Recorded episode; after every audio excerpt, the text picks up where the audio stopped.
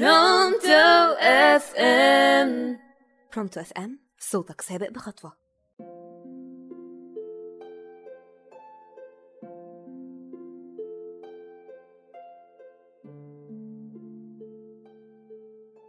أهلا بيكم على راديو برونتو أف إم. أنا مروة سامي ودي رحلة جديدة من رحلات مني لنفسي رحلة النهاردة رحلة تأمل وتفكر. تأمل في الكون اللي حواليك. وتفكر بإنك مش لوحدك كائن منفرد بالوجود. أنت عايش في عالم ملهوش حدود. علشان كده لازم نتأمل علشان نتعرف على خالق الملكوت.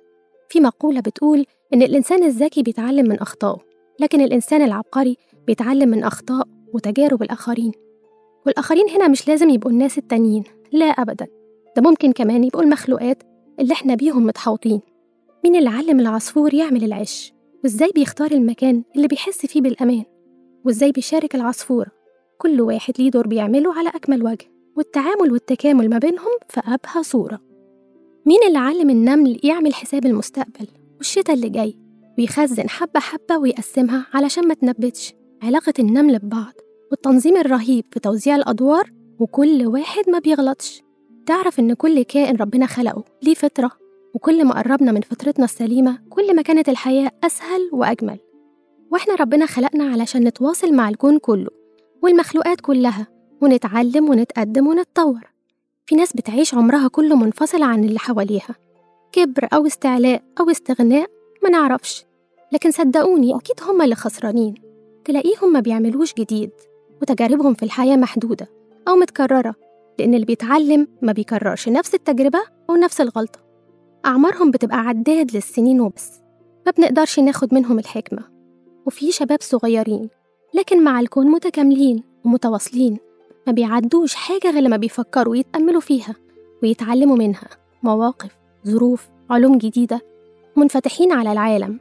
عندهم فضول وعارفين إن العلوم والمعرفة بأشكالها وألوانها عالم ملهوش نهاية. بيضيفوا لأعمارهم أعمار تانية. ما هي الخبرة اختيار مش صفة مشروطة بالأعمار. وزي ما قال الشاعر إيليا أبو ماضي قل الذي أحصى السنين مفاخرا.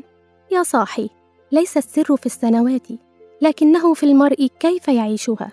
في يقظة أم في عميق سبات في ناس كتيرة حوالينا ناجحين قدروا يغيروا معتقدات ويعيشوا حياة جديدة مختلفة. لو تأملناهم وأخدنا تجاربهم حافز لينا على التغيير وتعلمنا منهم هنبتدي إحنا كمان نتغير ومداركنا توسع. ولأننا دايما في رحلات من النفس بنمهد طريق السعادة والروقان. التأمل من أهم الرحلات اللي بتساعدنا. في اللحظة اللي بنوقف فيها اللخبطة والدوشة والروتين ونبعد شوية ونتأمل في مواقف وتجارب أو حتى نتأمل السما ونعد النجوم. بنسمح لعقولنا تستوعب وتفهم ومداركنا توسع. ما تعدوش الأيام من غير ما تستفيدوا منها.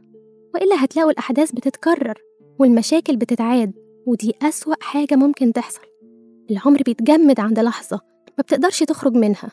مفتاح النهاردة اسمه التأمل ودي كلمة كبيرة قوي وليها طرق كتيرة قوي لازم تتعلموها وتعيشوها. فأحلى رحلة هي رحلتي أنا وأجمل ما فيها هو أنا. أنا كيان وأنا كينونة أنا الروح والجسد أنا لحم ودم وإحساس. سلام.